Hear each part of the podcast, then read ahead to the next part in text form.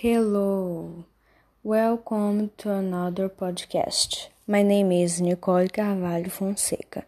I'm from the ninth year, a new unit. Today I'm going to talk about what it was like and how it is today, about the past and the present.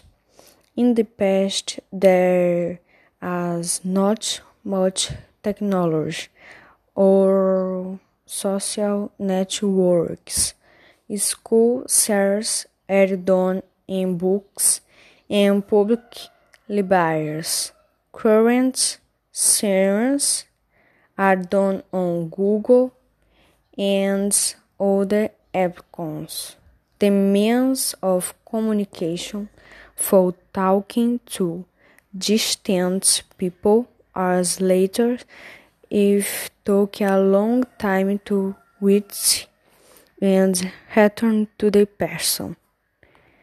Nowadays, talking to distant people is much easier. Just send a message through the various social networks that exist or even make a video call. Times have changed, even childhood games have changed. Before everyone played together, having fun. Now just download a game on your phone. More and more the internet is distance people. There is today podcast. Thank you so much for writing.